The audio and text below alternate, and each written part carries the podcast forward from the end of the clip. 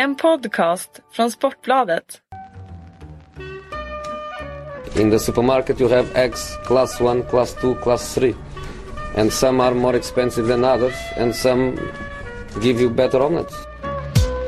That's the wrong information. Wrong, wrong, wrong information. I didn't say that. That's the wrong information. Do you think I'm an idiot?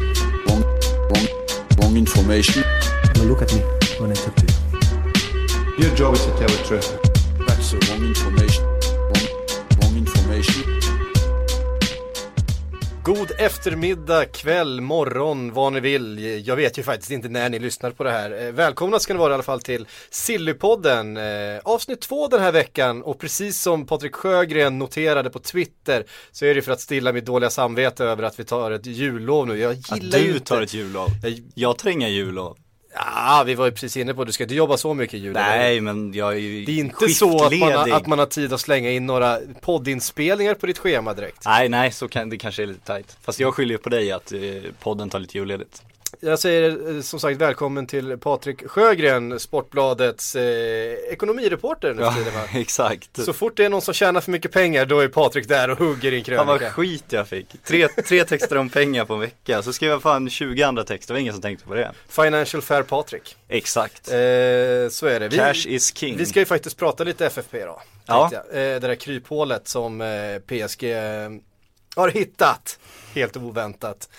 Eh, ett nytt kryphål. Vi, vi, vi kommer in på det lite senare för att jag tänkte att vi skulle börja med eh, det som jag ändå reagerade eh, på i veckan och det var Shakiri som är en av de här spelarna som många av toppklubbarna i England framförallt har jagat.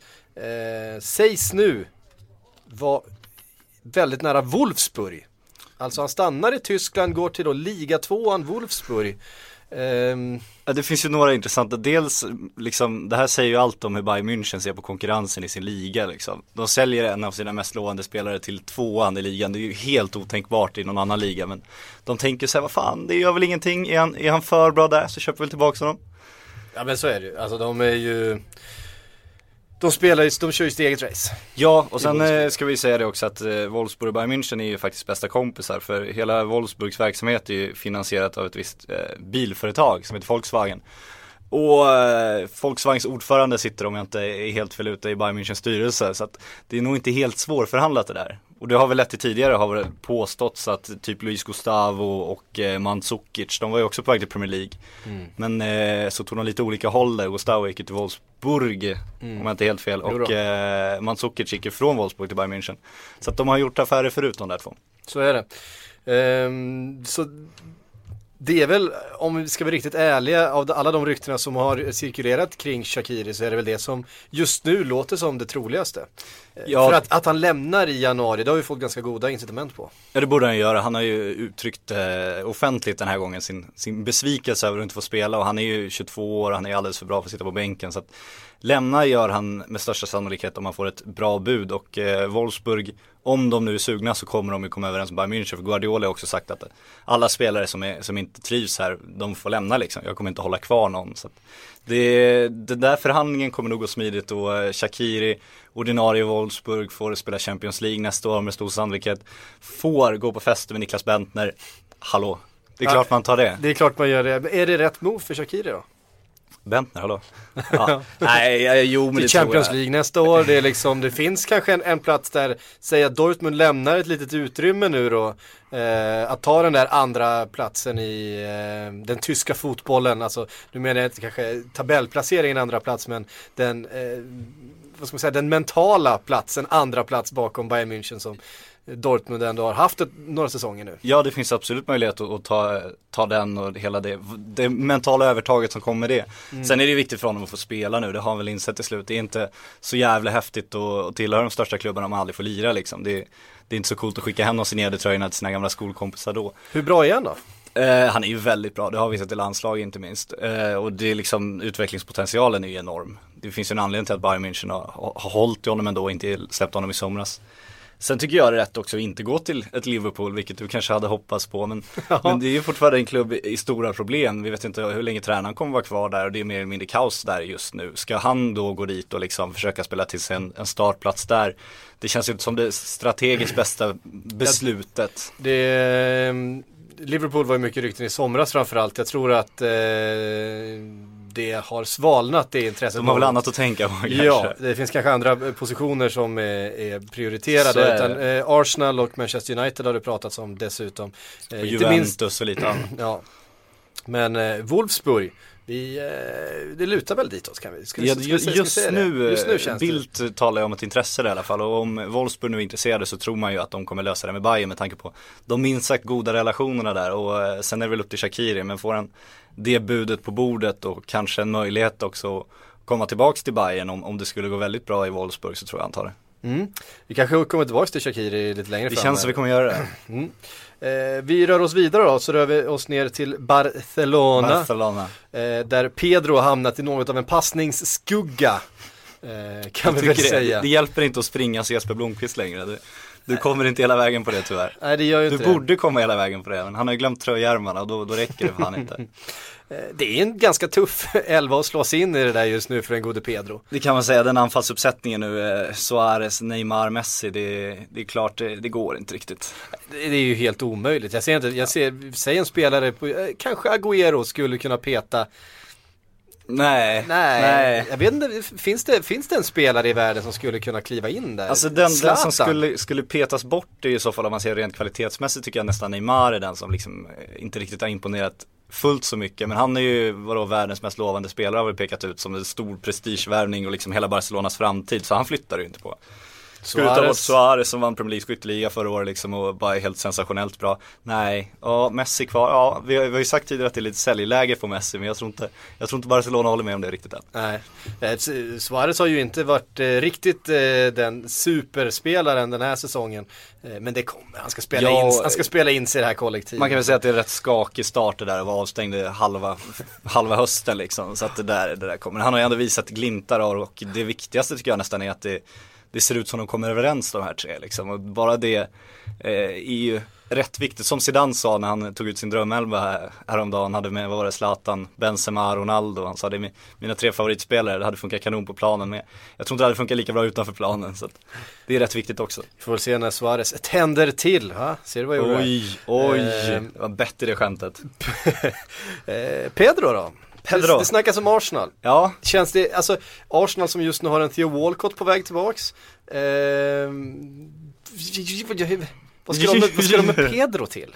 Alltså jag gillar ju Pedro eh, för att eh, jag tycker att han Det är många, det är klart det blir mycket mål om du spelar i Barcelona men om man kollar snitt och sådär, Henri liksom, han var sensationell i Premier League, han var ju ingen jättesuccé i Barcelona, han gjorde sitt jobb och sådär Pedro kommer ju alltid in, springer alltid, ja, Jesper Blomqvist sönder alla lag och gör mycket mål, gör mycket poäng och är en bra spelare och liksom har ju slagit in i spanska landslaget också där han liksom spelar mästerskap för dem.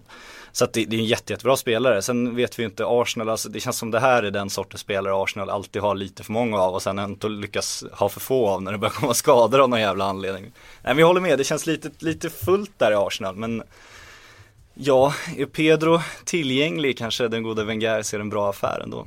Vad finns det annars då om man, eh, om vi ponerar att Pedro rör på sig?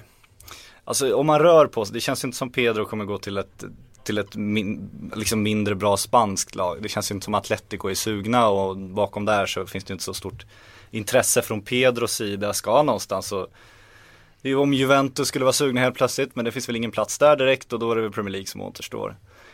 Sen är det svårt där, alltså han har ju en ytterroll liksom. Det är inte, det är inte superengelskt att ha den typen av spelare. Alexis Sanchez har gjort det bra, lite den typen av spelare också. Det är väl det som kanske gör att eh, herr Wenger är lite sugen. Ja. Eh, vi har en eh, Jesus Navas Ja, i eh, Manchester City. Det är väl en motsvarande, motsvarande- motsvarande roll kanske. Kanske en liten uppgradering på, på eh, Right Wing Jesus som Mirror kallar honom ja kanske. Ja, men Pedro är väl en fullgod spelare där också. Men, men det är just det, ska han spela i tvåmannaanfall i en annan Premier League-klubb liksom. Det, där kan man inte riktigt se honom. Han är ingen riktig ytter. Han känns ju lite för offensiv för det. Och det är ju inte så många lag i England som spelar det här. Tre, tremannaanfallet direkt.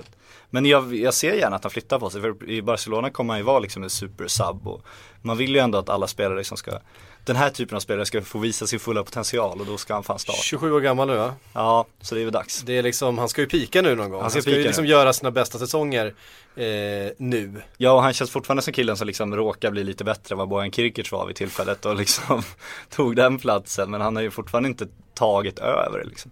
Nej. Eh, precis som med Shakiri får vi nog anledning att återvända till Pedro. Ja, Pedro, Pedro. Så är det ju med de här, de här stora eh, stjärnorna och ryktena så här års. De, de avlöser för han varandra. känns ju inte som en stor stjärna Pedro. Han känns ju som någon sån här alibi-spelare, men han är ju bra liksom. Men han har ju inte fått den uppskattningen liksom. Sen är, ju frå- sen är ju frågan om han kan överföra sitt spel till en annan liga. Han eh, har ju varit väldigt effektiv, han har ju liksom haft en roll verkligen i Barcelona som han har, som han förstås har, har eh, uppfyllt och gjort med bravur. Men eh, det, Ja, det, det- det, det är ju ganska osäkert skulle jag säga som, som Absolut. om man nu ska liksom lägga en, vad han nu kostar, en, eh, ett antal hundra miljoner kronor. Ja, då måste du ha rollen för honom, så är det absolut. För han är ju bra på att springa, han är bra på att hitta ytor, men han måste ju ha någon, någon som slår de avgörande passningarna. Han är ju inte den, den avgörande spelaren känns han ju inte som, som till exempel Alexis Sanchez är. Men, men vad fan, har, har du den rollen ju, vill man ju ha in en, en Jesper Blomqvist som bara springer, ner med tröjärmarna bara. Det är kallt i England, kan det bli långärmat. Då finns hoppet. Ja, exakt. Ehm, från Pedro då, nu tänkte jag att vi, eh, vi tar tag i den här FFP-historien i, eh, i PSG. Eh, De har ju blivit straffade då för att ha spenderat för mycket pengar i förhållande till sin, eh, vad säger man, till sina intäkter, Ja. i förhållande till sin omsättning. Eh, Men det har man hittat ett litet kryphål på, eller hur? Alltså nu, nu får du dra redogörelsen för den här, för det är du som har förberett det här. Ja, ja okej. det Jag, jag, jag, tänkte att, jag tänkte att jag skulle kunna lästa över det på Ja, nej, nej, nu får köra. Rätt på alla eh, punkter. Man har helt enkelt flyttat över en stor del av sin, sin intäktsbudget från sin ägare till sponsorer som då är knutna till den här ägaren. Det här är ju ingenting nytt. Det här är, det här är ett gammalt, eh, ett gammalt hederligt knep att, att komma undan i, eh, i redovisningen. Eh, där helt enkelt nya sponsorer kommer in, lastar in pengar, det blir en intäkt helt enkelt, det ger dig mer att spendera. Eh, ja, Ja, och alltså det, det är intressant hur kommer med- man runt det liksom? Ja men det intressanta med FFP är att det känns som Fifa inte heller har de här, alltså de skiter lite i sina skriftliga regler för det finns ju inga skriftliga regler. Alltså det är så här, ja du får ha en, en, en sponsorintäkt men den får inte vara liksom större än vad det marknadsvärdet är. Ja men hur avgör du marknadsvärdet då? Jo men det gör Fifa. Det har Fifa bestämt. Så de kan ju egentligen bara peka där och säga nej, så där får ni inte göra, nej nej lägg av liksom. Det är det som är positivt på ett sätt men också negativt på ett sätt för det blir bara ett, ett stort jävla regelkaos. För alla kommer ju testa olika vägar tills liksom de hittar en där Fifa inte säger nej. Vilket innebär att vi kommer ju hålla på så här i tio år när folk bara vandrar runt och kommer undan och vi, de har ju gjort bort sig när de skrev det här. Det var väl Lars-Christer Olsson inne på också. Det är väldigt Alltså det är väldigt mycket upp till, till enskilda beslut så här. Det finns inga tydliga regler, det är inga tydliga linjer och det gör ju att det kommer ju bara vara kaos kring det här. Och ingen fotbollsintresserad kommer ju vara tillräckligt liksom nördig för att orka sätta sig in i allt det här. Alltså en fotbollssupporter kommer ju bara, alltså det här är ju inte ens kul liksom. Så fan. Nej, för att eh, det är ju sådär, man måste kanske hitta ett kryphål då om man ska kunna lösa en ersättare till Edinson Cavani som man sägs vara eh, ute efter. Eh, Benzema pratas det om. Jag älskar det här Benzema-ryktena varje transferfönster. Jag är jättesvårt att förstå det. För att det är ju samma, det pratas ju om Liverpool och Arsenal på Benzema nu också. Alltså Karim Benzema spelar i Champions League-mästaren. Han är tokgiven som eh, anfallare. Han är superhyllad i Madrid. De älskar honom. Zidane som vi var inne på, andra tränaren. Han tog ju med honom i liksom sin drömelva i världen nu. Och han är liksom Frankrikes mest hyllade spelare. Där är han en, en super, super, superstjärna. Och även i Madrid är han hur stor som helst. Gör mycket mål som helst, jättebra, perfekt spelartyp för Real. Och det finns ändå- ingen ersättare till det finns ingen ersättare, de har liksom haft jätteproblem med honom bakom. De hade Morata som har gett upp, de har sålt, så de lova in, låna in Javier Hernandez liksom. Ska de sälja Benzema i januari då liksom och stå där själva med Chicharito liksom. Alltså det är ju helt absurt att folk ens pratar När om de, det här. när de stormar mot liksom en potentiell trippel. Exakt, liksom. och de är, liksom, så- de är det mest framgångsrika Real-upplagan någonsin. De håller på att sätta världsrekord och, och liksom Benzema är en stor del av det. Han är Men ju... Det, det, är då, det är då man lämnar och går till ett Li- Liverpool på åttonde plats i Så ligan. är det. Med- Nej, men det är helt absurt bara. Och ändå är det engelska tidningarna, varje transferfönster, men han Karim Benzema är bra och Liverpool Arsenal behöver en anfallare. Vad fan, han kanske är något. Ja, han kanske hade varit något. Men liksom, ni kan ju lika gärna skriva upp Messi och Ronaldo där liksom. Det är ju så, fullt lika orealistiskt. Ja. Ja, så vi, vi, vi, eh, Vi dunderslaktar alla Benzema-rykten. Som Bra. det ser ut. Alltså om de ska släppa honom så ska även de ha till honom. PSG. Ja, Han är- även till PSG. Han är dessutom cup-tied och eh, det enda PSG bryr sig om är ju den här jävla Champions League-bucklan. Ja. Ska de då värva en ersättare till Cavani så ska det rimligtvis vara någon som får spela i ligan som de faktiskt prioriterar. Kan vara så. Och sen tycker jag också att eh, man så, såg ju till exempel senaste ligamatchen, alltså hur, precis vad Benzema har som du inte kan värva mer eller mindre. Det är att han är bästa kompis med Cristiano Ronaldo också. De hade liksom, Det är väldigt viktigt. ja, de hade ju avgjort matchen, man ser Ronaldo jaga mål och vad gör Benzema då? Han kan bara lägga in bollen, nej, han lägger en sidled, ger Ronaldo upp ett mål, Ronaldo får slå in en till liksom. Och Benzema är skitnöjd med det. det, det alltså ska du värva en lika bra anfallare och ta in det, då måste du värva någon som är liksom en av världens bästa spelare, då får du ett enormt jävla ego och då är risken att han och Ronaldo bara kommer liksom crash and burn så det skriker om det. Och nu har de en av världens bästa anfallare, liksom supermålskytt som också bara accepterar att vara så här, tredje fiol till och med. Liksom. Det är ju helt unikt. Ja, för i saken är den att det, det, det skrivs ju jättemycket om de här målrekorden i Champions League med, med Messi och Ronaldo och de, de tävlar om det här. Men alltså, grejen är att snittet så är ju Benzema har ju högre målsnitt i Champions League än både Ronaldo och Messi. Nu kommer det en fakta jag inte känner till men det, det kan mycket väl, det är ju, ja, säger en del i så fall. Ja, så att, eh, Och då måste han passa Ronaldo till de här öppna målen då hela tiden. ja. Nej men den, den dagen Benzema går, det kan man ju tänka sig Skriv, skriv gärna till mig om det är så att jag har fel, för det, det, det kan jag mycket väl vara. Jag tog den här faktan ur, men jag läste, jag läste det eh, i en artikel. Eh, Ja, men den dagen Benzema eventuellt går om man ska ta det, det känns ju som det är den dagen han känner att han liksom har hamnat lite väl mycket i skuggan. Det har vi ju sett förut, att stora spelare någon gång vill liksom göra den här superaffären, hamna på de här tidningsomslagen, stå med den nya tröjan och vara liksom en talisman för en annan klubb. Den dagen han är sugen på det, då är ju PSG absolut där och det kanske är den dagen Zlatan lägger av. Så kan vi tänka, men det gör han ju inte i januari. Nej det gör han ju verkligen inte, får vi hoppas.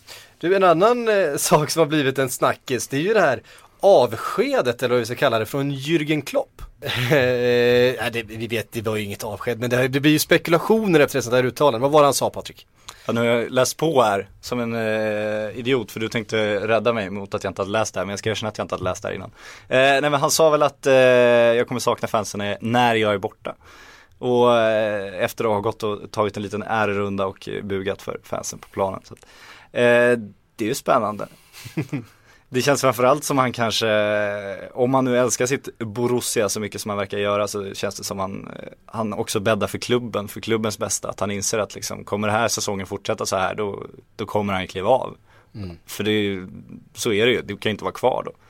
Och då eh, är det väl schysst också och liksom underlätta för klubbledningen och att de kan ta det sl- beslutet tillsammans. Och det bäddar för spekulationer. Det kan man säga att det gör. Det bäddar väl för eh, diverse, ja, en, en röd engelsk klubb som kan vara ute efter en tränare snart. Som har kopplats ihop med den gode Klopp när han var på besök i, i Liverpool inför säsongen nu. De hade väl en träningsmatch där. Då var han ju eh, en av få gäster som faktiskt klappade på den här eh, This is Anfield-skylten på väg ut i planen. Så att han har koll på, på Liverpools historia, han verkar eh, uppskatta dem som klubb. De är ju en klubb som påminner ganska mycket om Dortmund om man pratar publik och, och sådana värden. Sen finns det väl lite andra ägarfrågor i Liverpool som Dortmund inte brottas med riktigt. Eh, men det känns ju som en destination som hade kunnat locka honom. Det har ju pratats också om PSG igen då. Blanc är väl inte den super eh, supertränarnamnet som de ser framför sig ska bygga det här laget sett över tio år. Egentligen, eller? Nej, han Alltså känns man hade som ju Ancelotti. Ancelotti valde att gå till Real Madrid. Eh, man fick inte Mourinho, man var antagligen där och erbjöd en massa pengar eh, och så vidare. Men, eh, men Jürgen Klopp skulle väl kunna vara en, en figur som också accepteras. Zlatan har ju sagt att han gärna skulle spela under Jürgen Klopp i framtiden. Och Zlatan sa väl i samband med någon Fifa-gala när de Ja, träffades precis. att eh, va- varför har du inte ringt mig sa han väl något sådär eller, eller ring mig så att Zlatan gillar Jörgen Klopp och eh, man ska aldrig, det här kan inte nog understrykas, eh, underskatta Zlatans makt i PSG Eh, han är ju tajtare med PSG-presidenten än vad någon, annan, någon av tränarna som varit där har varit. Så att han liksom käkar lunch med PSG-presidenten, han tar emot kungaparet med PSG-presidenten. Han och Nasser är ju liksom bröder där. Så att eh, jag tror att Zlatan absolut har sista ordet i de, ja, nästan alla större beslut som den klubben tar. Det har ju också pratats en hel del om Arsenal. Eh, finns ju en ganska nu högljudd falang som vill ha bort den gode Arsen till förmån för just eh, Jürgen Klopp. Det är ju det namnet som nämns allra oftast. Ja, de här tågresenärerna som är väl de mest högljudda som skällde ut Wenger på någon perrong Precis. där efter en Stoke-match. Eh, ja, samtidigt så sitter vi här varje år och diskuterar att Arsene Wenger eventuellt ska få sparken och sen spelar han till sin Champions League-plats så har han ett år till. Så att jag tror att eh, Wenger är fortfarande i en sån sits att han bestämmer själv när han lämnar. Han är ju så pass högt upp i ligan. Sen eh, vet man ju också att eh, supportrar är ju, de gillar ju nya saker. Det gäller ju både spelare och tränare så att även fast det går hyfsat ett tag så vill man gärna tro att det kan gå ännu bättre och prova någonting nytt. Gräset är som sagt grönare på andra sidan staketet. Så är det, så att de är nog, eh, det finns nog en hel del där som är sugna på att få bort Wenger. Men den dagen Wenger går så kanske Wenger är sugen på att gå till PSG också till exempel. Mm, precis. Eh, han kanske kan göra en David Moyes, eh, Jürgen Klopp och dra till Spanien. Ja, alltså det intressanta med Jürgen Klopp är, det känns ju inte som han kommer liksom hoppa på första bästa krislag utan, och det känns inte som han skulle liksom kliva in i ett Manchester City och trivas så jäkla bra utan han kan nog eh, vara lite svår att läsa. Han kan nog ta lite sina egna beslut om man nu ska tro på hans liksom eh, etik och moral som man brukar prata om.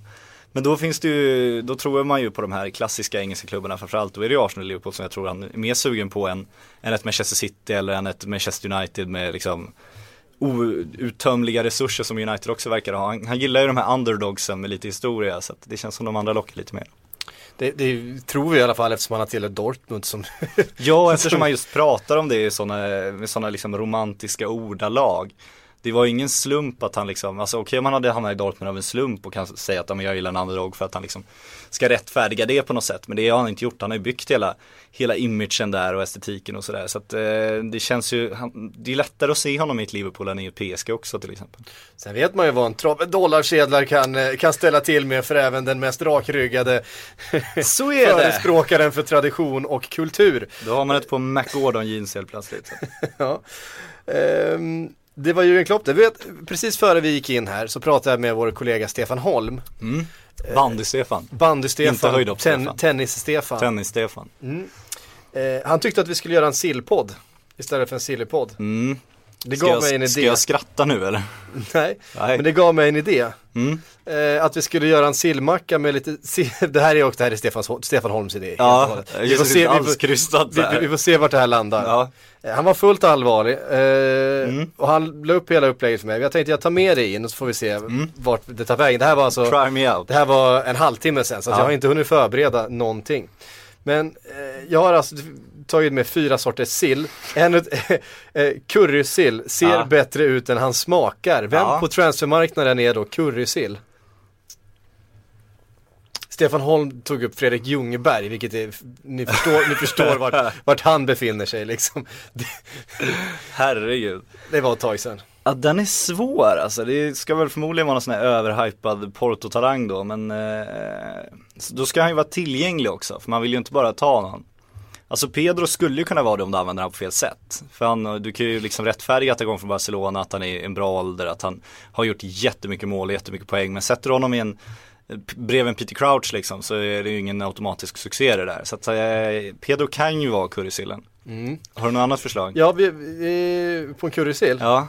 Ehm, nej men Pedro tycker jag är ett ganska bra, eh, ganska bra förslag. Ja. Det är också, eh, För matchar du currysillen med rätt grejer så kan den ju vara god också. Exakt, det Ja. finns ju också den här raddan med, med skadebenägna spelare. Jag tänker mig en, en Arturo Vidal som det pratades så väldigt mycket om i Ja. somras. Som eh, knappt har några knän kvar. Det kan ju absolut kosta mer än vad det smakar.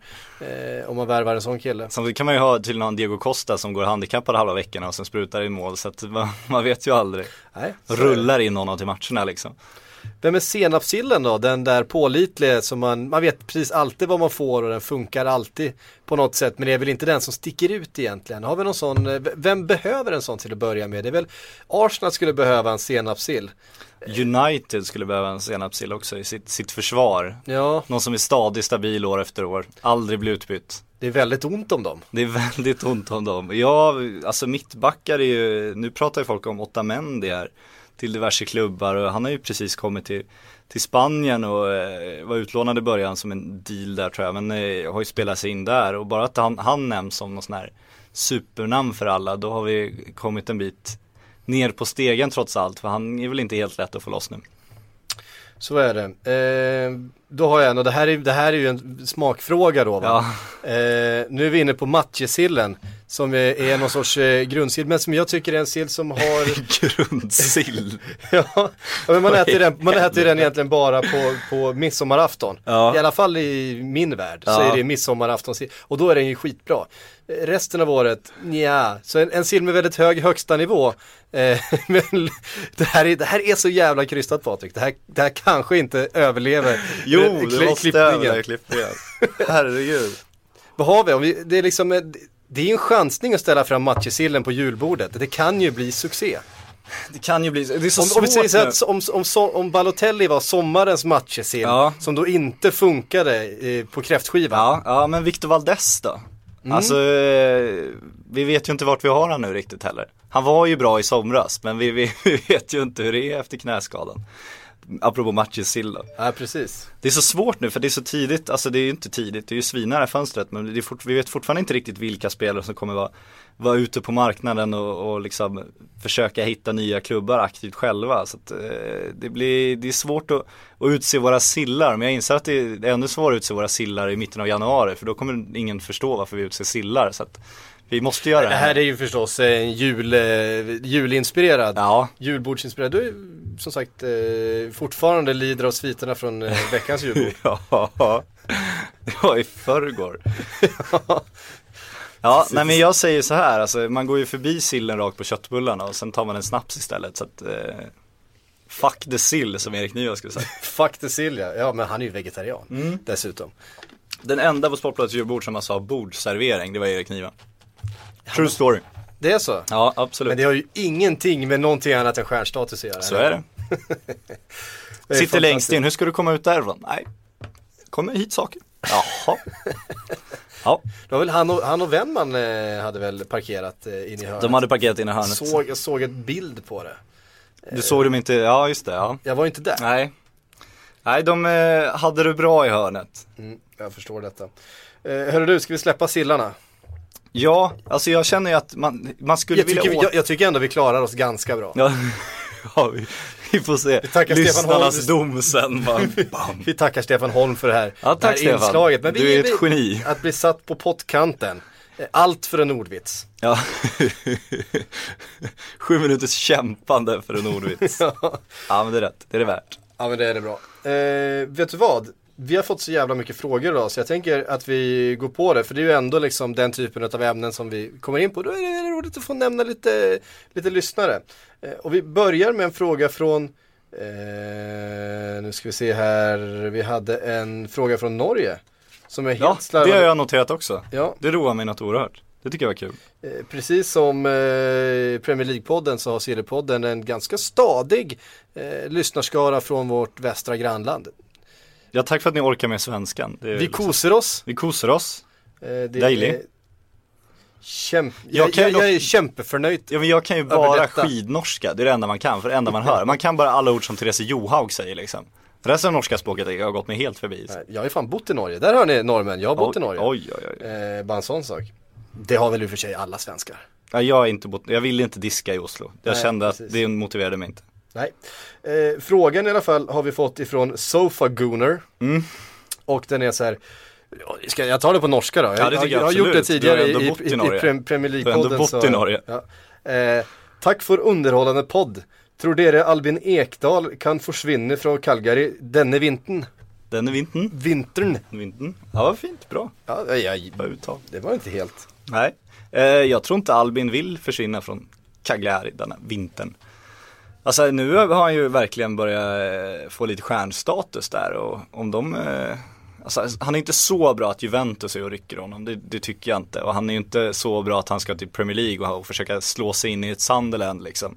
Så om jag var Albin skulle jag eh, sitta väldigt bra i båten och försöka förhandla till med ett nytt kontrakt med min nuvarande klubb istället för att liksom bygga vidare på den, eh, den stjärnstatusen han ändå fått där nu. Mm. Kan han röra sig uppåt i hierarkin i Italien? Ja, han skulle ju kunna göra det men det blir ju småsteg, alltså det är om han ska hitta en Champions League-klubb då. Problemet i Italien nu känns det som att det är ingen som riktigt vet vilka som är Champions League-klubbar om, om två år ens. För att liksom Milan och Inter, hur går, hur går det ekonomiskt? Ska de ens få ihop de här satsningarna? Kommer de tillbaks? Kommer de inte tillbaks? Ska, Mm. ska Napoli fortsätta? Ska Roma eh, fortsätta sin satsning? Det finns ju möjlighet, alltså det är klart Det enda vi vet är att Juventus kommer vara där. Ja, de kommer ju vara definitivt. Och det, det känns ju inte som att Albin Ekdal kliver in på Juventus nuvarande mittfält liksom. Det var Nej. väl någon Malmö-spelare som beskrev det va? Att, eh, ja men hur var matchen mot Juventus då? Ja, nej men vi körde triangeln. Det var jag, Pogba, Vidal och Pirlo så här. Jag var i mitten hela tiden. Det var hans match mot Juventus liksom. Ja. Där sätter du tyvärr inte in Albin Ekdal. Så att, eh, men det, det är klart, italienare gillar ju rubriker, det har man ju lärt sig. Och han gjorde ju ett hattrick liksom borta mot Inter. Det brukar räcka för att någon ska kunna rättfärdiga och köpa honom. Att, och det är ju ganska lätt att handla mellan italienska klubbar eftersom de ja, sitter i exakt samma båt. Och väldigt goda vänner med varandra. Så det är klart att han skulle kunna klättra uppåt Italien, men jag vet inte om det skulle, det skulle förmodligen ge honom mer pengar, men jag vet inte om det skulle förbättra hans karriär. Jag tror också han ska vara väldigt rädd om sin landslagsplats nu, för han är på väg att bli liksom svensk fotbolls nästa Kim Källström, nästa Anders Svensson. Han är den som är på väg att verkligen ta över det där mittfältet. Och bli senapssillen på... På Erik Hamréns julbord. Ja, precis. Exakt, ja och då ta en, en flytt till, ett, till en osäker destination skulle ju kunna riskera det också. För Erik Hamrén är ju väldigt noggrann med att man ska spela kontinuerlig A-lagsfotboll för att ha en chans att vara med i det svenska landslaget. Annars kan ju vem som helst uppenbarligen ryka. Så att eh, om jag var Albin skulle jag njuta som fan av livet just nu bara. Det gör han säkert tror jag. Det tror jag också han gör. eh, faktiskt. Eh, här har vi fått en fråga från Dennis Håkansson. Eh, han är inne på det här med Klopp och eh, Wenger. Vad tror ni om att Wenger och Klopp byter klubb med varandra? Skulle nog kunna gynna båda lagen. Ja, aldrig varit med om att två tränare by- byter så direkt. Och, Det är väldigt sällan spelare gör det också. ja, väldigt sällan vi. också. Ja, men det känns ju som Klopp skulle kunna trivas i ett Arsenal, det är jag övertygad om. Jag tror aldrig att Arsene Wenger skulle trivas i ett Borussia Dortmund tyvärr. Det känns ju, går han någonstans så är det ju hem till Frankrike. Precis, och då, eh, Monaco har man ju pratat om eftersom det är hans gamla klubb liksom. Men den satsningen just nu tror jag inte han litar riktigt på. Och spela inför, alltså även tränare vill ha lite publik kan jag tänka mig. Och just nu har de, känns det som de håller på att montera ner det där laget fullständigt. Vi får se vad som händer med Moutinho, någon borde ju hugga på honom snart, apropå ingenting. Så att eh, om Wenger, jag tror att han, han river, rider väl ut sitt kontrakt i Arsenal. Är han liksom inte sugen på mer där sen så tror jag att han har alla möjligheter att gå till ett PSG. Och då kan folk säga att ja men han är ingen miljardmänniska, han ska inte satsa så mycket men bygga upp en ungdomsakademi med oändliga resurser, vilket ju man får göra även under FFP. Det tror jag skulle locka Arsene Wenger rätt mycket och det är han en unik möjlighet att göra PSG. Mm. Eh, Anton Johansson undrar, eh, Nani har röstats fram till månadens spelare två månader i rad i den portugisiska ligan då. Har han någon framtid i United? Han är ju bara utlånad därifrån eh, till Sporting. Eh, från Manchester United. Ja, nej alltså Känns, det, det, det känns som att han har gjort sitt i Manchester va? Det känns så, det känns inte som han är jättesugen på att komma tillbaks heller och under nuvarande tränare så var han väl ingen, inte den typen av spelare han ville ha riktigt. Så att, eh, det känns som eh, United ska vara glada om Nani ökar sitt marknadsvärde lite så att han kommer vidare i sin karriär. Ja, precis. Eh, Gustav Ågren skriver Nastasic, någon måste väl hugga honom. Och där har vi ju faktiskt en, en, en mittback som kanske kan vara till salu. Ja, och då kommer det igen. Hur mycket bättre är han än de andra.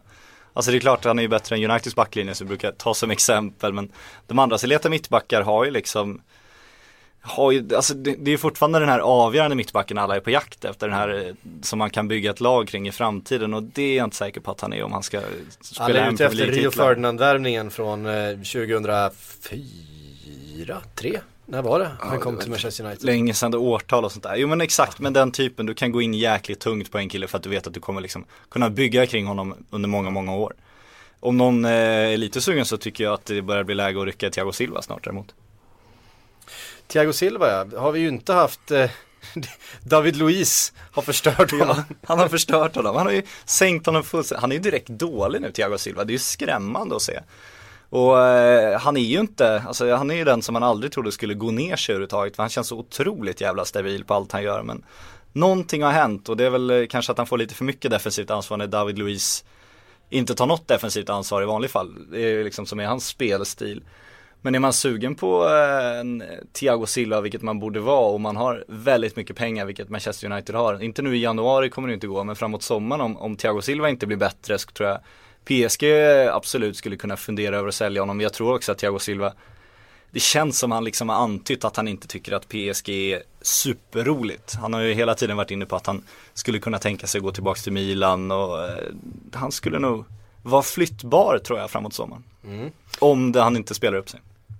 Nej, precis. Och eh, där är ju frågan med kontrakt och pengar och ett PSG som inte behöver Så är det och som, men tacka om ja PSG, till någonting. samtidigt behöver PSG tacka ja till någonting nu om de ska ha sitt, sitt FFP-balansgång, om de inte ska fuska sig hela vägen runt det. Så eh, då eh, finns det möjligheter att det skapar sig väldigt mycket utrymme. Det är det som gör Zlatan-situationen också intressant. Att han kommer inte kunna vara kvar i PSG om han inte är en given startspelare längre. Om man går ner sig lite så kommer ju hans lön vara alldeles för, för stor och, och liksom skapa för mycket hinder för att de inte skulle vara sugna på att öppna den luckan. Love Thunberg eh, undrar hur stor är sannolikheten att eh, Cole lämnar för Crystal Palace eller mm, MLS? Alltså Ashley Cole, Cashley, Cashley, floppen får man väl säga i Roma. Han har ju inte tillfört sig jättemycket och eh, de flesta Roma-supportrar vill ju helst ha någon annan på den här positionen. ja. Eh, det känns som Cashley ville ju ha sitt äventyr där. Han drog till Rom och fick, en, fick ett bra liv. Han kanske har lite för låga sportsliga ambitioner så här på ålderns höst. Det enda man kommer komma allt, ihåg liksom. från, från eh, Cashleys tid i Roma tror jag är det där lagfotot. Ja, ja, det är fan ett bra avtryck alltså. Ja, jag tror att det är det bestående avtrycket som, som han kommer göra på det här äventyret. Det är väldigt tyvärr. målande bild av hans äventyr också.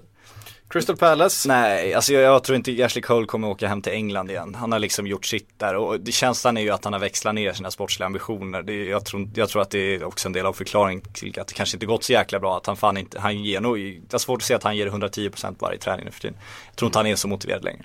Och då är väl MLS ett, Det är väl eh, dit man går då va? det är väl dit man går och det känns som han skulle kunna gå dit och vara lite stjärna och njuta av det. Eh, Varför inte indiska ligan? Eller hur? Den är ju slut nu tyvärr, annars hade han ju Men det var ju lätt slutspel nu, ja. Ja, exakt. Så att det är kämpigt och han är väl ungefär 10 år för ung för indiska ligan också. Fa- Den är liksom- fantastiskt underhållande fotboll därifrån. Ja, fy Det- fan vad dåligt det var. Jag hoppas alla såg någon match för att herregud. Alltså Ja, jag, det, det, alltså, det, var, det var många år sedan jag senast såg en back som tog alla insparkar för, för ett lag. Det känns, så, det känns så jävla korpen liksom. men det gick så sakta, alltså det gick så hysteriskt sakta. Alltså jag, jag har sett en match ska jag säga, jag har inte sett mer. Då var Robert Perez bäst på plan, jag tror inte han lämnade mittcirkeln på hela matchen liksom. Han bara vände sig om och slog passningar därifrån. Alltså det, det gick så otroligt jävla Allsvenska lagen hade ju inte gjort bort sig i den indiska ligan. De hade ju spelat hem det med dunder och bång, alltså solklart. Men det intressanta är att det var ändå så här 50 000 på läktarna. Alltså det är ju en kommersiell succé så det skriker om det, så det kommer ju fortsätta och Indierna verkar ju helt jävla tokiga. Alltså man ser ju bara bilder från flygplatsen när liksom Pires och, och Ljungberg och de här landar och det, de är helt jävla galna. Bara när Bojan Djordjic lyckas få någon sån här banderoll där det så legend liksom. Ja han lirar för klubben i fyra veckor typ, men, men okej. Men han tar, ändå, han tar ändå ett rött kort från bänken. Det är fan stort, jag, jag, jag gillar ju Bojan, man kan Ja. snacka skit om att han drar till Indien men han är ju den, den man, som liksom man kan hylla för att han drar till Indien. Han var ju klar med sin karriär, han lirar ju vadå, division 1, superettan, lirar med Vasalund va? Vad fan, dra till Indien och göra lite, lite pengar och Bli bara åka runt och li- lagkapten. Lagkapten, lira Materazzis lag liksom, få spara alla de här bilderna när han hälsar på Del Piero innan matcherna och, och bara spela inför 50 000, fan, all cred till Bojan, han är ju, gjorde ju det där sagolikt bra. Mm. Och han blev ju legend, Ja exakt, bara, bara en sån bara sak. en sån sak.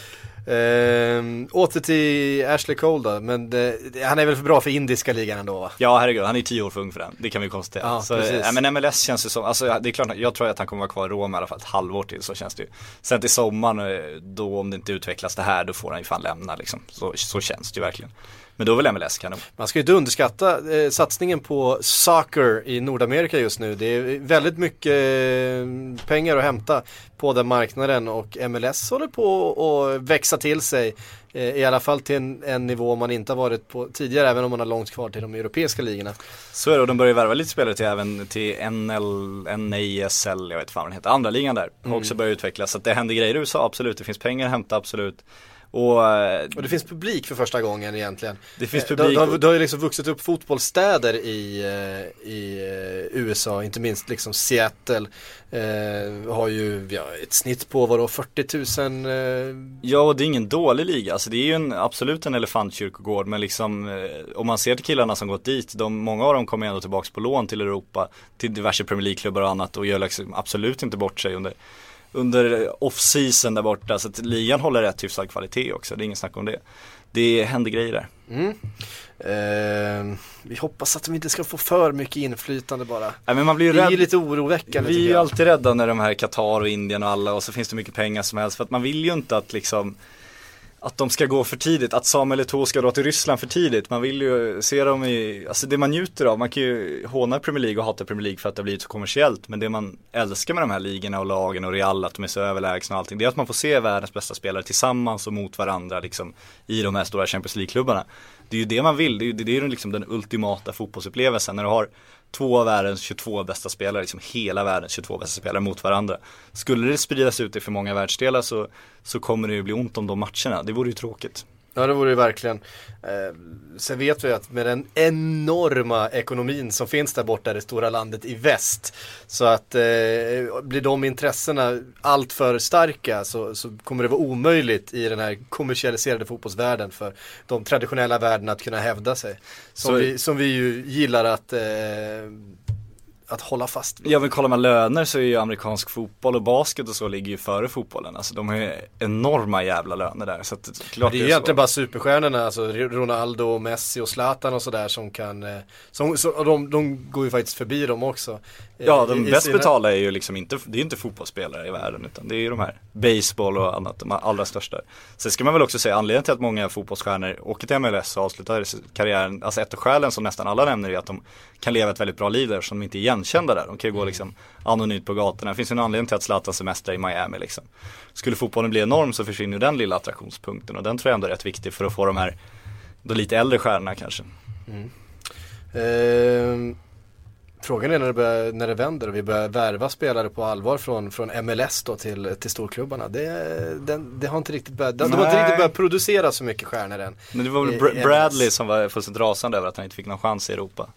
Ja, men det har ju funnits, det har funnits eh, Landon Donovan har, har, har väl i perioder eh, ändå liksom en MLS-fostrad spelare som, Som var väldigt bra på Championship Manager för massa år sedan. ja precis, eh, ni som pysslar med det. Exakt.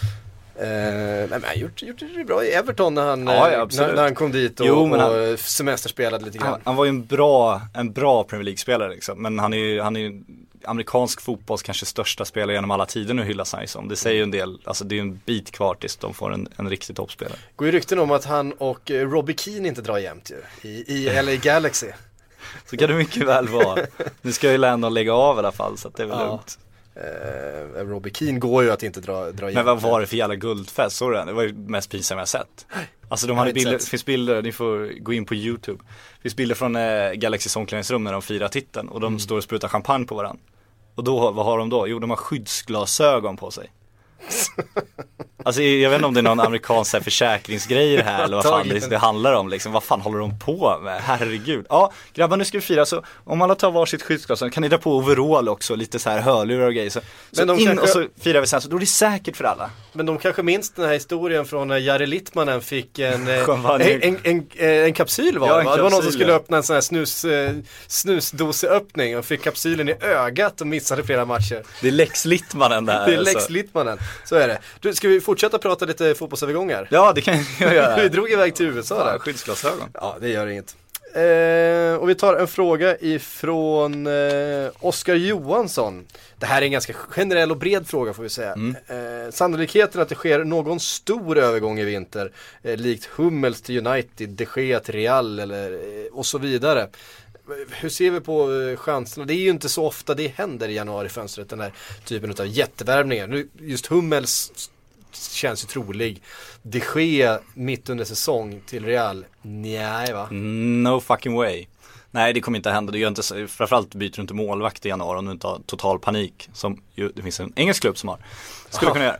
Nej men, nej men de stora värvningarna det är ju, då är det ju panikvärvningar, så är det. Du värvar inte, du går inte in och betalar 500 miljoner för någon som du har någon långsiktig, alltså du, du tänker ju inte innan säsongen, men januari då förstärker vi, då har vi en halv miljard att lägga på en spelare liksom. Det är om du har duktig panik. Problemet just nu är att de, peng, de klubbarna med mest pengar har ju inte panik. Så att, och det krävs ju ofta att en sån sätter igång det här för att det ska liksom, för att karusellen ska starta. Vi har ju ett Liverpool som har panik. Men Mm. de har ju samtidigt en, en FFP nu som de har fått en varning och är under utredning. Mm. Så att de kommer ju inte gå in tungt. De har inga pengar till det. De kommer, eh, för att då gå emot Express uppgifter, eh, inte att lägga en halv miljard på Karim Benzema i januari. Det kommer de inte göra. Det skulle de inte få göra heller. Det skulle de kanske göra om de hade möjlighet. Men... Daily Express har seglat upp som något av den, eh, den största dyngspridaren i sociala medier när det kommer till fotbollsrykten. Har du Ja, alla går ju med nu. Jag tycker även liksom The Guardian har börjat flörta med med liksom så här helt jävla absurda grejer. Så det, Ja men det, det finns ändå skäl, jag tycker The Guardian eh, kan ändå så här vignettera som vi brukar säga det som, som rumor mill att det här är rykten hämtade ungefär som vår Silly-blogg. Absolut, Att samtidigt så... liksom, vi, eh, vi lägger allt det här på ett ställe för att det är kul att ha med.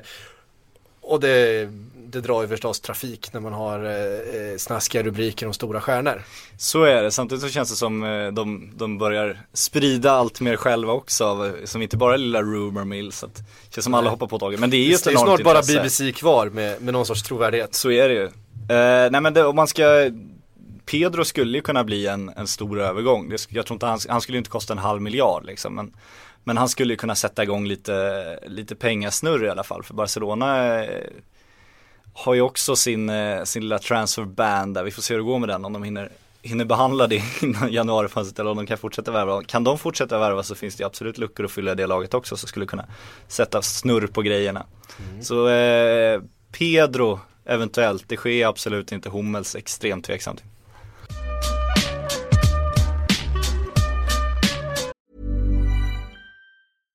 Ready to pop the question? The jewelers at BlueNile.com have got sparkle down to a science with beautiful lab grown diamonds worthy of your most brilliant moments. Their lab grown diamonds are independently graded and guaranteed identical to natural diamonds, and they're ready to ship to your door. Go to BlueNile.com and use promo code LISTEN to get $50 off your purchase of $500 or more. That's code LISTEN at BlueNile.com for $50 off. BlueNile.com code LISTEN.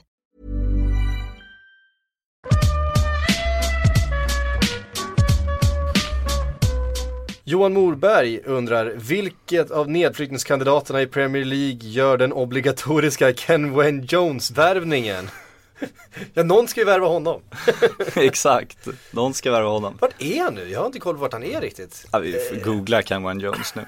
Det här, så här kan vi inte ha det. Nej men vad fan stack inte han till eh, Swansea eller något sånt där? Ty- tystnaden när man googlar på mobilen. Ja precis. Jag, jag, jag gissar på Swansea. Du gör det? Ja, jag tror fan han är i Swansea. Konstigt nog. Alltså han är, han är ju någon, eh, någon bottenklubb i alla fall. Det kan vi Ja. Swansea är ju ingen bottenklubb å andra sidan. Cardiff. Ja det var Cardiff, Ah, Wales, det var därför eh, eh, det, var där, det var därför jag hamnade i Swansea. Ja exakt. Ja, Ja. jag, jag visste att det var där nere någonstans. Jo men Eh, sådana affärer kommer ju genomföras, nu ska väl inte Kenwan Jones flytta kanske men, eh, men de här, det finns ju många halvbra engelska fotbollsspelare, Premier League-spelare som kommer byta klubbar till överpris i, Mm. i panik där i botten, så är det ju. Problemet är att de, de by, byter ju ofta efter att liksom det dyker upp en möjlighet, så de brukar vara väldigt svåra att förutse innan. Man vet liksom inte om Odde Winge ska starta bilen eller inte i år. Utan det händer ju som, av, som av en händelse den sista dagen. Så att sådana spelare kommer absolut cirkulera. Ken Wine kanske är sugen igen, jag vet inte. Ja, varför inte? Eh, det dyker upp ett förslag från Leicester till exempel. Ja. Eh, ja. Ja men det finns ju pengar långt ner i Premier League också, ska man inte underskatta. För att det är ju sån enorm Absolut. förlust att åka ur. Så att de eh, gillar ju att investera och försöka köpa sig ur sina problem. Viktor Lundqvist. Eh, när ska Perez få vreden han förtjänar? Men jag tror att det ska stå credden. Ja, Det är två helt olika saker. det kan man säga. Vi läser det som credden tycker jag. Ja. Eh, för när man läser hela, hela frågan sen så blir det mycket mer rimligt. När ska Perez få credden han förtjänar? Folk säger att han är galen när han säljer Özil 2000 2013 och Di Maria 2014. Ändå blir Real bara bättre och bättre. Ja, samtidigt så är det inte så jävla svårt kanske när du kan köpa vad fan du vill också. Jag tycker ju fortfarande att eh, det var lite konstiga, alltså framförallt tycker jag Xabi Alonso var en lite märklig affär för nu, nu har de ju lite intressanta problem Luka Modric borta, men samtidigt så vadå de får in eh, Tony Kroos, det är ju inte så svårt att förstå att det kommer fungera liksom. De värvar Gareth Bale, det är inte så svårt att förstå, förstå att det kommer fungera. De värvar ju på den nivån att du, du behöver inte direkt scouta liksom, utan du tar ju världens bästa spelare. James Rodriguez. James däremot tycker jag att vi kan måla ut som en flopp snart. Han, Alltså? Ja men han är absolut bra men det priset och liksom och Perez har ju själv sagt att han köpte ju bara honom bara för att han var bra i VM. Han visste ju inte ens hur han, hur han var som spelare liksom. Vad, vad passade han in 4-3? Nej ingen aning. Hur mycket har du sett? Nej jag såg honom i VM, han var bra. Ha, Vi tar honom. Det sa han på sponsorträff liksom. Så men eh, ja, men vi kan väl hylla Perez, det tycker jag ändå. Han eh, verkar ju hålla sig inom FFP-linjerna, han eh, kommer ju till ett dukat bord, de liksom har ju det kanske starkaste varumärket i fotbollsvärlden. Det gör ju att de kan värva de här spelarna. Det är ju inte så att de har någon Qatar som står bakom och pungar in alla pengar utan de har ju en enorm jävla inkomst från liksom rätt saker. De har inte byggt ett, ett vattenkraftverk utan de, de har gjort det på, på fotbollsmeriter. Samtidigt så ska de ju tydligen bygga ett jävla Disneyland nu. Med, med real eh, prägel liksom, ett, ett real land i typ Qatar om jag inte minns helt fel. Antagligen. Som eh, ska få Har in inte ännu de mer en pengar. ö där någonstans? Jo, och så är det väl med något lyxhotell och. Ja. Men det är det här som är, apropå FFP, det är, ju- folk kommer ju leta efter sådana här inkomster nu och då är, i ett nöjespark är det, är det en fotbollsinkomst? Får man räkna den nu FFP eller inte? På ett sätt är det ju inte det eftersom det är nöjespark, det har inte fotboll att göra. Samtidigt så säljer du på, liksom om du gör en fotbollsberg och då har en liksom en, Gareth Bale-land och ett, eh, någon jävla Ronaldo-spökhus får vi ana att det är då. eller det är väl spegelrummet kanske, det måste ju vara Ja det Ronaldo. måste det ju vara. Ja, Lustiga huset. Lustiga huset, ja det är ju Peppe som är spökhuset såklart. Ja. Men, eh, nej, men då, då är det på ett sätt också en fotbollsrelaterad inkomst. Det är det som blir så jävla absurt med det här. Det finns ju en turkisk klubb som liksom har byggt ett kraftverk för att få in pengar. Det, det, det är helt störda saker som pågår. Men, eh, men cred till Perez absolut. Han tog ju La Decima, det är det han var ute efter och det som skulle skriva in om historien. Så att, eh, vi, Precis. vi bugar för Perez, även fast jag tycker fortsatt att han är en galen man. Han är en galen man. Han är en galen, men Det därför är man gillar honom också. Ja ja. Det är för få galna män. Eh, nej, Ja, det, nej, nej, det är det det inte. Det Förlåt, förlåt. Verkligen inte. Det, var, det är det absolut inte. Det är precis lagom många. Eh, typ. Eh, Marcus Willerhausen eh, undrar om Borini byter klubb, vilka kan vara aktuella? Och det, kan, det, det blir ju Sunderland i sådana fall, tillbaks dit han var utlånad och Ja. de la ett överbud på honom som alla var sjukt nöjda med på alla håll och kanter utom Borini själv och då ah, hamnade han bland fiskpinnarna i, långt ner i frysboxen och Ja, och eh, han behöver ju bara få, få speltid, få fart på det där igen. Jag tycker att han, eh, han, jag förstod inte riktigt värvningen av honom, jag tyckte han var lite hypad då. Det har ju inte gått så jäkla bra. Vi satt ju hela, eh, om man ska prata lite Liverpool, vilket du gillar att göra. Så satt vi hela sommaren och efterlyste det här, eh, liksom, när kommer prestigevärvningen, när kommer den stora värvningen, när kommer liksom den, den pålitliga etablerade spelaren som man vet kommer gå in och lyfta laget och liksom fylla luckan. Han kom ju aldrig, han gjorde ju verkligen inte det. De tog ju framtidsnamn och lite jokrar och bara så. Nu, nu har de ju i stort sett ingen som har lyckats slå sig in i laget och övertyga överhuvudtaget. Jag tror att, eh, jag tror att Brennan Rodgers såg eh, Adam Lallana lite grann som, eh, som den spelaren. Den åldern, han ska liksom, han ska göra sitt absolut bästa just nu. Var väl kanske ligans näst tredje, fjärde bästa spelare förra säsongen. Enligt de flesta, men Hade gjort en- ett bra år. Ja, Ja. exakt. Det, det just Hade det. aldrig bytt klubb Det finns, eh, vet du vad? Då, Nej. då, då fyller jag på med Arvid Karlssons Ja, eh, fråga här. Eftersom Liverpools värvningskommitté är totalt värdelös. Hjälp dem. Vilka värvningar kan styra upp detta katastroflag? Ja, det går ju inte i januari, så är det ju. Du kan inte, du kan inte lyfta, för du kan inte byta sex spelare i januari. Du gör liksom inte det, för att det blir en för, för kostsam affär. Nu får de ju bara försöka rädda säsongen och då tycker in- inte jag att de ska sparka Brennan Rodgers, det tror jag inte är rätt grej. Utan satsa på lite förtroende och försök liksom bygga en Lalana och liksom försök lyfta dem så de når sin fulla potential, de här Lazar Markovic och grejer. Det är fan enda hoppet. Sen får de agera framåt sommaren och hoppas att de inte hamnar för långt efter då. Eh, En målvakt behöver de värva. alltså. Ja absolut, och det har vi pratat De om kan fan inte stå med Brad Jones längre. Jag blir, jag blir fullständigt galen på det där alltså. Så är det, men då har vi ju på julbordet vår sill Victor Valdez där. Jag tycker att, Ja. jag blir förvånad om de inte försöker där. Nu är ju den senaste uppgiften att det är Ochoa de är och sliter i, som Erik var och varnade lite för. Och om man ska lyssna på dem som sett eh, Guillermo Ochoa mer än bara i VM, jag har väl i stort sett bara sett honom i VM. De säger att det här är liksom en, en jokermålvakt, det här är en det är ju Thomas Ravelli. Han är, var inget bra innan mästerskapet och han har tydligen inte varit så bra efter mästerskapet heller eftersom han inte får spela. Så att det är, ska man gissa hur det ligger till där så tror jag att Liverpool just nu lägger bud på alla målvakter de, de har liksom för att bygga någon slags bruttolista och se vilka som egentligen är tillgängliga, vilka de kan få. Och jag tror inte att Ochoa är liksom högst upp på den listan. Jag tror att han kan vara en av, en av 10-15 målvakter de just nu kollar om de, är, om de är tillgängliga. Och får de nej från 9-14 stycken så kanske han blir aktuell. Men jag tror att det finns ett koppel av namn före som de hellre vill ha. Vi var väl inne på det i eh, måndags tror jag. Eh, ett lån utav Peter Käck. Det är någonting som eh, jag tror att Chelsea skulle Du tror på den? Jag tror att Chelsea skulle vara intresserade av det. Ja. Av den att, att Liverpool helt enkelt, han skulle inte få spela mot, mot Chelsea till att börja med. Nej. Eftersom det är ett lån och inte en försäljning. Ehm, jag tror att Chelsea skulle vara nöjda med att Peter Cech var kvar i klubben och fick eh, speltid. Ehm, och fick väldigt mycket bollar på sig skulle han ju få dessutom med Skulle den han få, backlinjen. men, han, skulle eh, få, han skulle få slita lite grann. Hur förklarar man för Peter Cech att du ska bli utlånad till Liverpool? Det tror jag, tror jag inte går. Att han får, ska få speltid. Ja, men jag, känslan med honom är att han eh, liksom han är, är ju sån, sånt stort namn så att jag tror dels rent egoistiskt så brukar fotbollsspelare hata lånaffärer. Alltså om du blir utlånad det är ju det är ett litet hån mot dig själv. Det tror jag inte Peter Cech kommer gilla. Han kan ju egentligen bara förlora på en sån låneaffär. För att om han ska byta klubb, om han vill ha speltid då ska han byta klubb i sommar. Det enda han skulle kunna göra i Liverpool är ju att liksom, förstöra sitt namn.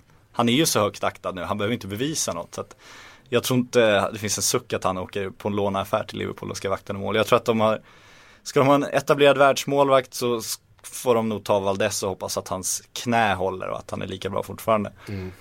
Annars så eh, står det en Ochoa där helt plötsligt och då kan vad som helst gå in och då kan vad som helst räddas och det är ju inte den långsiktiga eh, säkra pusselbiten de vill ha knappast.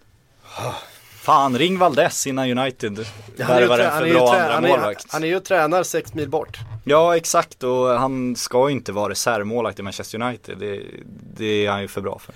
Om vi eh, stannar i Manchester då så har vi fått en fråga från Linus Bergström. Eh, United är ute efter backar.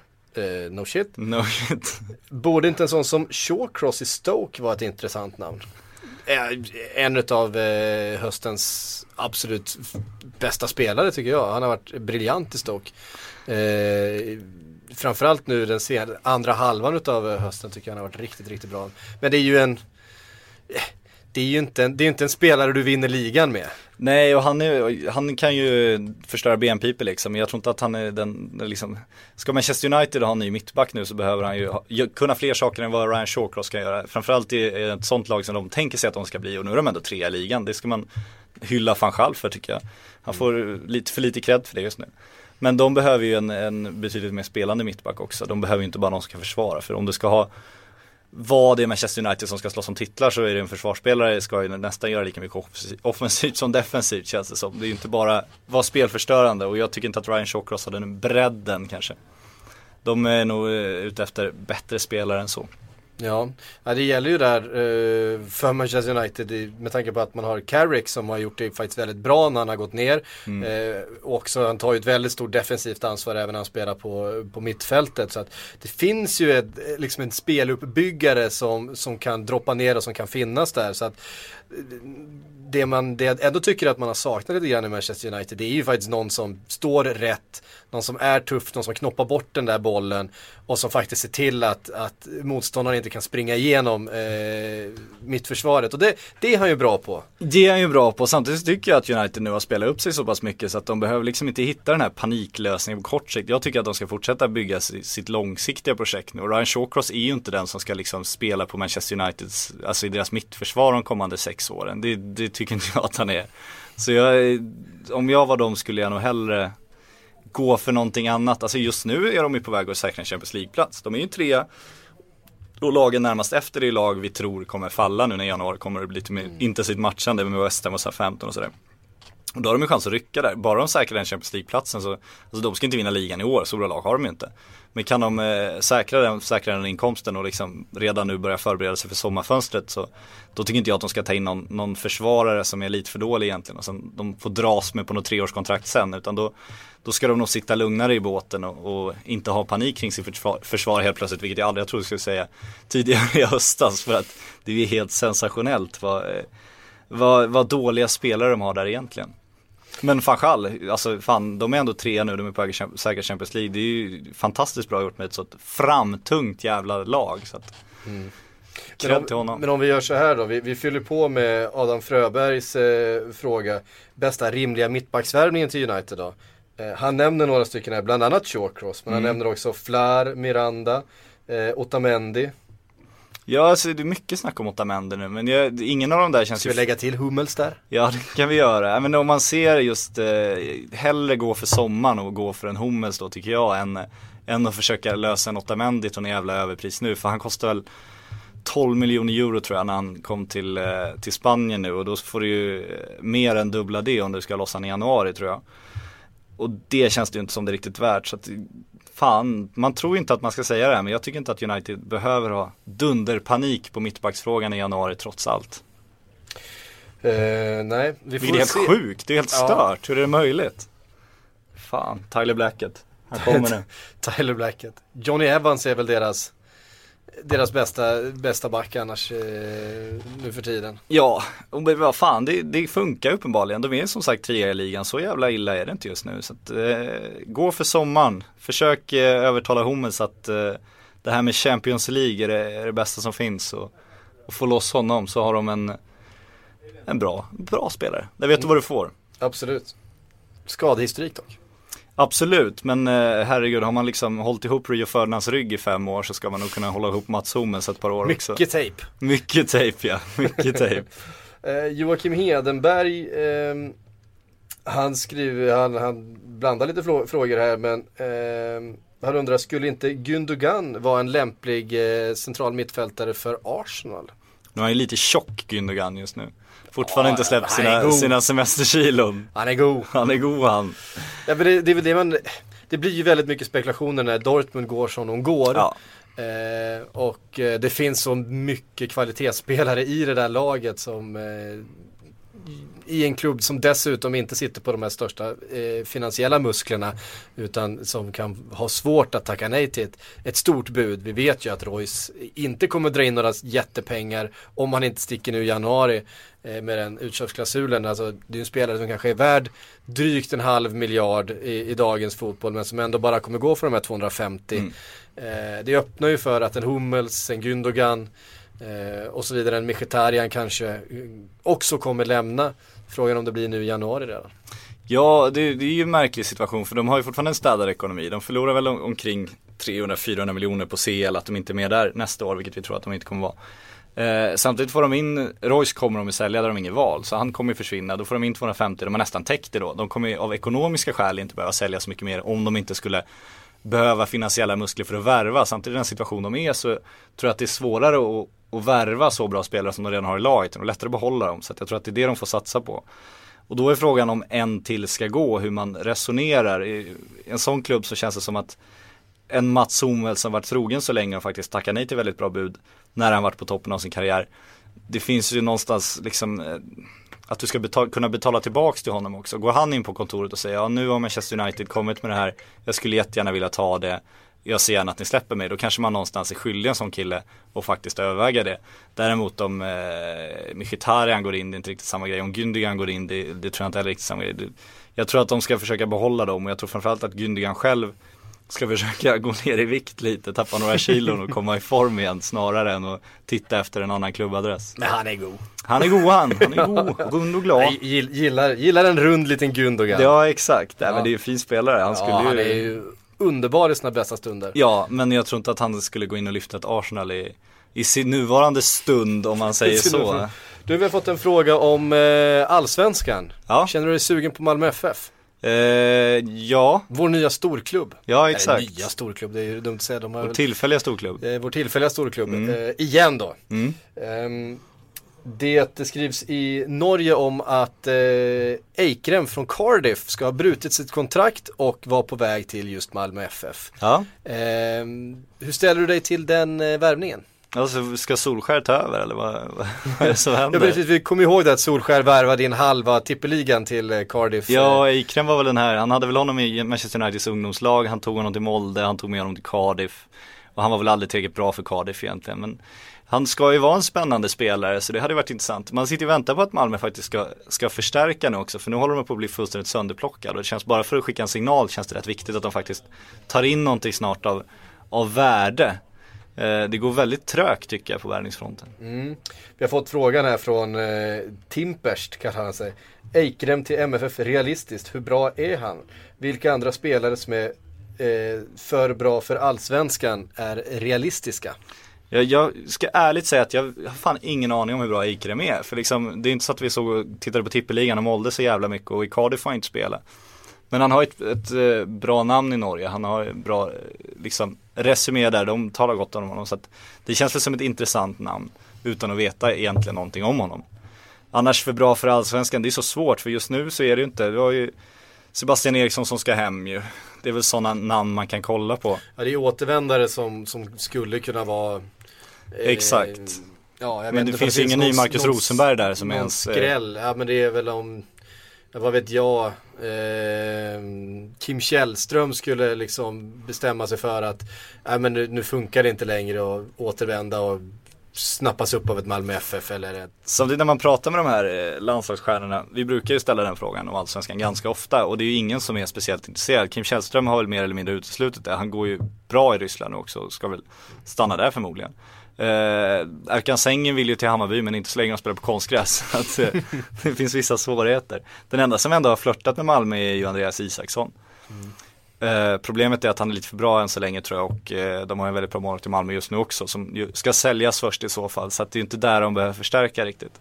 Annars så tycker jag svenska landslagsspelare just nu, antingen så är de har de för, för, för stort ego för allsvenskan eller så är de fan inte så bra som, som man vill att de ska vara heller liksom.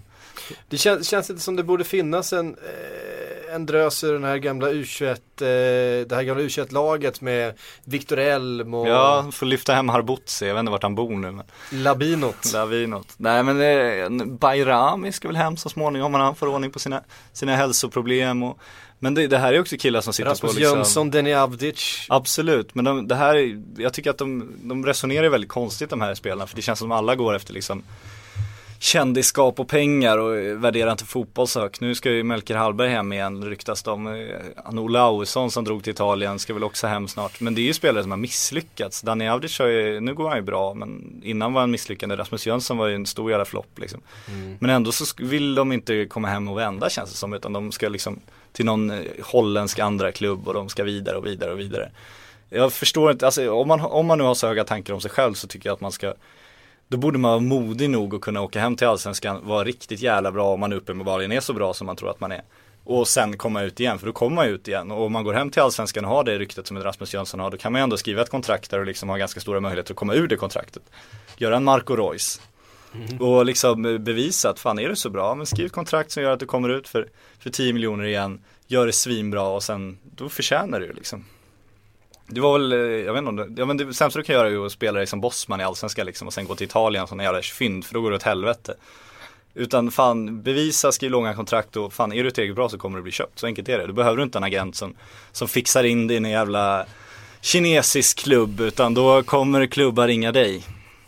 Eh, det var ju snack om han, eh, nu tappade jag namnet precis, Atalanta-talangen där.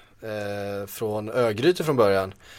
Eh, är det Olausson? Nej? Ja precis, ja. Olausson eh, ska vara på väg till Åtvidaberg. Ja exakt, men vad fan. Det är rolig värvning Det är jag. rolig värvning, det tycker jag. I så fall om man gör det, fan kanon. Kom Han tog sig hela vägen till eh, Atalantas ändå seniorlag och eh, gjort någon enstaka cupmatch och sådär. För... Ja men vi hade ändå, vi satt ju ändå när han drog och bara det där är det dummaste du kan göra. Så Nej men eh, fan hem och ta speltid. Jag tycker att det, då skulle, då, då, heder till honom om man väljer Åtvidaberg. För då är det inte så här, då kommer ju folk bara, fan Åtvidaberg, det var ju en osexig klubb. Ja men fan, det är där du kan utvecklas till en bra spelare. Så är det ganska mysigt i eh, de östgötska skogarna runt Åtvid. Åtvid, ja, ja, ja det, jag tar dig på orden där. så är det. Hör du, det är allt vi hinner med idag. Eh, det blev en silverpodd även denna fredag. Ja, trots att det inte händer. Det, det är ju på gång nu, det börjar ja. ju bubbla känner man. Det har inte riktigt kommit igång än, det kan vi väl eh... Det kan vi konstatera för att januarifönstret börjar ju när, när januarifönstret börjar så att säga. Det är inte ja. så mycket som förbereds. Det är ganska stor skillnad, alltså sommaren har det krattats väldigt mycket för även, ja. om, även om fönstret eh, öppnar först liksom första juli, det stora internationella fönstret, eh, så har det mesta liksom redan krattats och klarats och det är liksom, det, det är till och med läkarundersökningar som är gjorda och så vidare. Så att det blir ju inte samma sak när säsongen är igång. Eh, Men nu är det fullt fokus på annat också. Och sen är det ju möjligheternas fönster, så är det ju varje januari. Det är ju en Valdes som är gratis. Det är, det är ett Dortmund som man pratar om för att de har problem. Det är, liksom, det är en Pedro som hamnat utanför startelvan så det skriker om det. Det är ju där det finns möjligheter att, att plocka. Men sen eh, helt plötsligt landar en helikopter med Fernando Torres och så är, är allt bara kaos och man vet ju aldrig. nej. Det är det, vi, det är det vi går runt och Det väntar är på. det vi går runt och väntar på. Det är fullständigt korrekt. Så är det. Hörrni, ni, god jul och gott nytt år eh, önskar vi på Silly-redaktionen så hörs vi eh, på andra sidan, eller hur? Ja, bloggen eh, kör vi stenhårt med dock. Även på självaste julafton. Varenda jävla dag ska vi göra den till den sista, andra februari vad kommer fram till? Andra februari är väl deadline day den här eh, vintern va? Tills fönstret stänger kör vi. Till fönstret stänger. Hela vägen. Absolut. Hej. I think I worked for 16 years here in England, and I deserve a bit more credit than wrong information.